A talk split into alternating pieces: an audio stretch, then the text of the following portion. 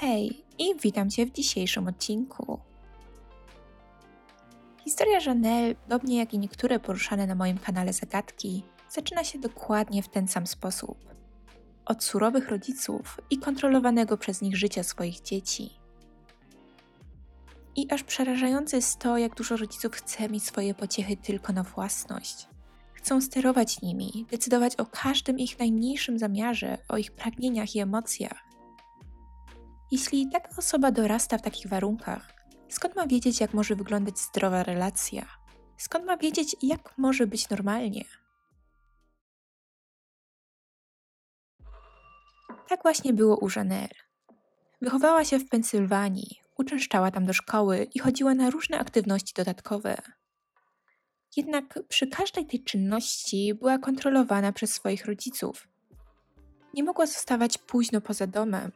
Musiała ona wręcz spowiadać się z każdego nawet minutowego spóźnienia.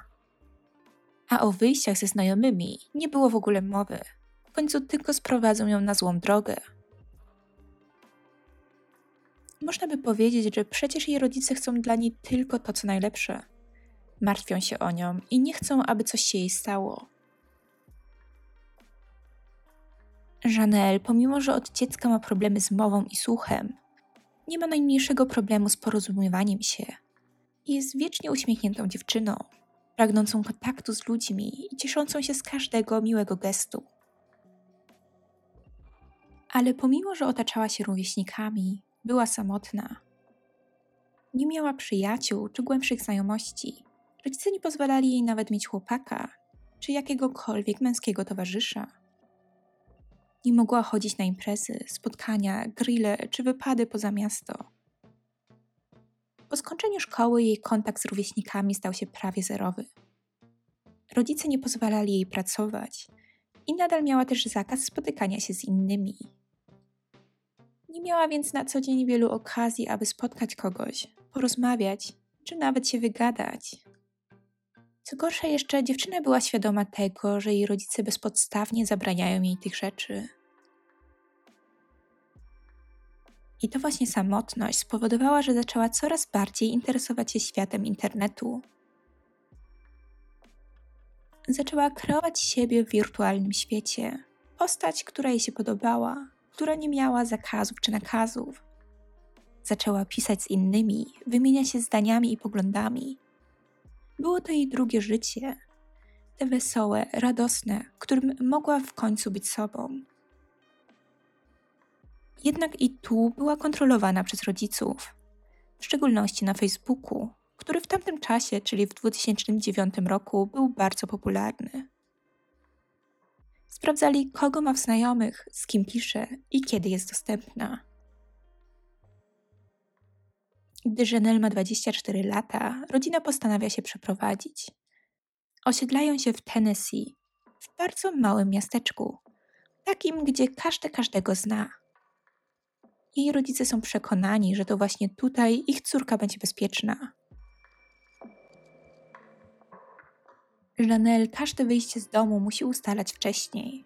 Jej rodzice chcą dokładnie wiedzieć, gdzie jest ich córka. I nawet pomimo, że jest już dorosła, może chodzić tylko w wybrane przez nich miejsca. Jednym z nich jest pobliska apteka, w której dziewczyna odbiera samodzielnie swoje leki. I to właśnie tam udaje jej się poznać bliską jej osobę Tracy, która stoi za ladą. Obie dziewczyny są w podobnym wieku i mają wiele tematów do rozmów. Już wkrótce Janelle zaprasza Tracy do swojego domu i tak właśnie jej rodzice nabierają do nowo poznanej dziewczyny zaufanie. Wiedzą, że jest rozsądna i że jej córce nie zagraża nic złego. Janelle po raz pierwszy czuje, że żyje, że ma wreszcie jakąś bratnią duszę. Ma wreszcie osobę, którą może odwiedzać, której może zaufać, zwierzyć się. Co najważniejsze, której ufają jej rodzice.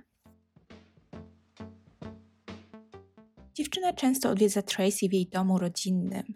I to właśnie tam zauważa, jak wygląda normalna rodzina. Nie są to tylko zakazy i nakazy, ale rozmowy, śmiechy i żarciki. Dziewczyna czuła się w otoczeniu rodziny koleżanki bardzo dobrze. Uwielbiała spędzać z nimi czas. I także wkrótce zakochała się w bracie Tracy, Billu. I choć Bill uważał Janelle za bardzo atrakcyjną i sympatyczną dziewczynę, to był w związku z Billie Jean. Billie Jean szybko zauważyła duże zainteresowanie Billem u Janelle. Doszło do ostrzejszych słów, pierwszej kłótni dziewczyny z nowymi jej osobami, pierwszego bronienia się przed padającymi zarzutami. Janelle jednak wiedziała, że musi odpuścić. Bardzo zależało jej na tych nowych relacjach i na tej swobodzie wychodzenia z domu. Mijały miesiące i dla dziewczyny były one wręcz jak marzenie. Mogła coraz więcej czasu spędzać z Tracy i jej rodziną. Wychodziła do pubów, nawet na imprezy. Nie pracowała i miała całe dni wolne. I to właśnie w tym czasie poznała też kuzyna Tracy, Jamie'ego, w którym od razu się zakochała. I to tym razem wzajemnością. Związek ten musieli jednak ukrywać przed rodzicami. Spotkania czy wyjścia we dwoje były jej zabronione. Jamie'ego widywała tylko wtedy, kiedy odwiedzała Tracy, lub kiedy to przychodził do niej pod pretekstem naprawy jej komputera czy jakiegoś urządzenia w jej domu. Jamie był, można by powiedzieć, taką złotą rączką od spraw elektronicznych. Umiał naprawić prawie każdy domowy sprzęt i tak właśnie dorabiał sobie do swojej stałej pracy. Był znany w okolicy i rodzice dziewczyny nigdy niczego nie podejrzewali. Aby mogli się bez ich kontroli porozumiewać, chłopak podarował jej nawet telefon. Janelle z powodu dużej ilości wolnego czasu przebywała też bardzo często na Facebooku. I rodzice oczywiście, jak żeby inaczej, kontrolują wszystkie jej rozmowy. Oczywiście raz na jakiś czas. Obydwoje są zajęci pracą, jednak gdy mają wątpliwości, gdzie przebywa ich córka, lub gdy zachowuje się ona dziwnie, chętnie sprawdzają, co może być taką przyczyną. I to właśnie na Facebooku Janelle zaczyna dostawać groźby śmierci. Profil ten jest anonimowy. Gdy go blokuje, pojawia się kolejny. Rodzice od razu zgłaszają tę sprawę na policję. I tu zaczynają snuć się podejrzenia. Kim może być ta osoba? Co chce od dziewczyny?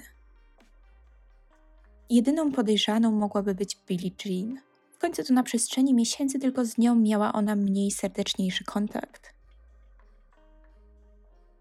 Policja jednak nic nie robi z tą sprawą. Uważają, że jest to tylko żart i na pewno dziewczyna musi mieć jakiegoś wroga wśród koleżanek. Są to tylko wiadomości elektroniczne i nie mają obowiązku działać natychmiast. Nawet gdy ktoś pewnej nocy rzuca kamieniem w okno dziewczyny, policja nie reaguje. W tym samym czasie także Bill i Billie Jean dostają podobne pogróżki. Kierowane są one w stronę kobiety i są to głównie wyzwiska, groźby śmierci, jak i wmawianie, że zdradza ona swojego partnera. Ich znajomi dzielą się na dwa obozy. Jedni stają po stronie Janelle, jako tej przecież kontrolowanej i niewinnej osoby, mającej już i tak trudne życie. Drudzy z kolei ufają Billie Jean. Znają ją od lat i wiedzą, że nigdy nikomu, nawet największemu wrogowi, nie napisałaby takiej wiadomości. Konflikt ten i groźby wysyłane z różnych anonimowych kont trwają parę lat. W tym czasie parze też udało się przywitać na świat ich synka o imieniu Tyler. Stanowili świetną rodzinkę, kochali się i mieli dużo planów na przyszłość. Do pogróżek zdążyli się już przyzwyczaić i nawet nie reagowali na wiadomości. Historia pary jednak nie ma happy endu. 31 stycznia 2012 roku Bill i Billie Jean zostają znalezieni martwi w swoim własnym domu. Bill miał przecięte gardło, a jego partnerka zginęła od ostrzału z pistoletu. Ich synek był nietknięty przez mordercę. Siedział w objęciach swojej zmarłej mamy, czekając na pomoc. Miał wtedy 7 miesięcy. Znajomi od razu zaczęli podejrzewać Janelle. Para nie miała nigdy wrogów, a odkąd ona pojawiła się w rodzinie, zaczęły się kłótnie, spory i podziały. Dziewczyna wabiła na swoją stronę, manipulowała nimi tak, aby nie mieli kontaktu z parą. Sprawiła, że ich rodzina i dobre stosunki w niej zostały rozbite. Policja sprawdziła ten trop i okazało się, że dziewczyna miała dobre alibi. Czasie morderstwa była widziana kilkakrotnie. Nie mogłaby więc być w dwóch miejscach jednocześnie. Jednak policja postanawia także przesłuchać jej rodziców i Jamie'ego. I aby mieć pewność, postanowili też potwierdzić niewinność ich i ich córki na wykrywaczu kłamstw. Na pytanie, czy dziewczyna zabiła parę, zaprzeczyła, co było też dobrą odpowiedzią. Ale z kolei na pytanie, czy wie, kto mógłby to być, sprzęt pokazał niejednoznaczną odpowiedź. U Jamie'ego było bardzo podobnie. Podejrzane było także to, że podczas dalszego przesłuchiwania Jamie'ego zapytał się, czy CIA zajęło się już tą sprawą. Było to dziwne, ponieważ morderstwo dokonane było w małej miejscowości. W dodatku są oni dopiero na początkowym etapie śledztwa. Sprawa ta jest więc dla CIA mało interesująca. Policja jednak upornie stara się dowiedzieć, dlaczego mężczyzna zapytał ich o to. Po co mu taka informacja? Jamie po dłuższej chwili nie wytrzymuje i opowiada wszystko, co się stało. Opowiada, że to on wraz z tatą Janelle zabili parę. Jej ojciec był pensjonowanym żołnierzem marynarki wojennej i umiał władać bronią, jak i posiadał parę egzemplarzy w swoim domu. A to, dlaczego i jak właściwie doszło do morderstwa, jest wręcz naiwne i niewiarygodne. I myślę, że nie jedna osoba chwyci się teraz za głowę.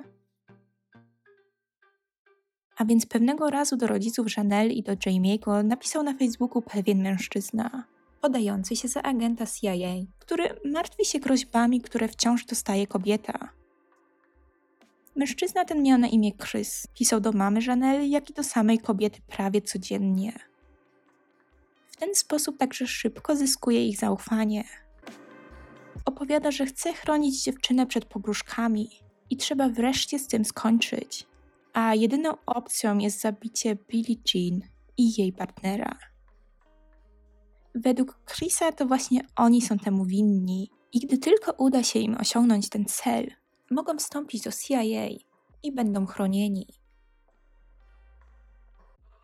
Dla całej czwórki wszystko to wydaje się bardzo wiarygodne. Co dziwne, bo ja bym nigdy w to nie uwierzyła, ale to były inne czasy. Policja doszła także do konta danego agenta CSI Chrisa. Okazało się, że wymieniał on wiadomości tylko z daną czwórką. Wyglądało to więc tak, jakby konto było założone tylko w celu morderstwa.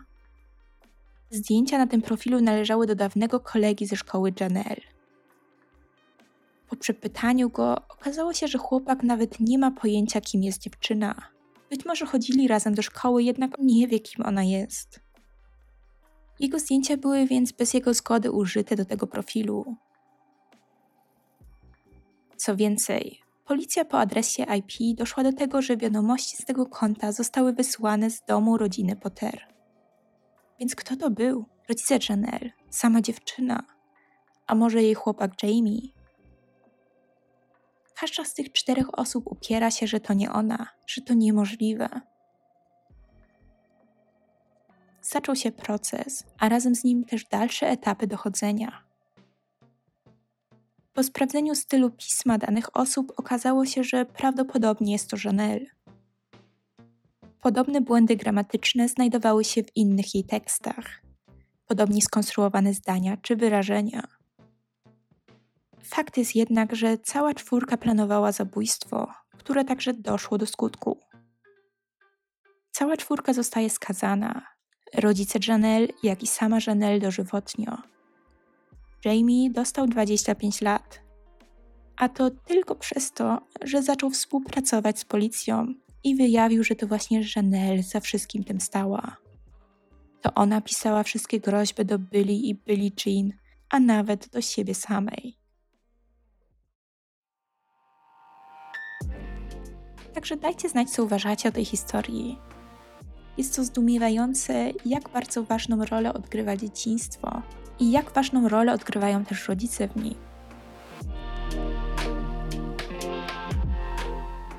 Dziękuję Wam za wysłuchanie i widzimy się, a raczej słyszymy w kolejnym odcinku. Hej!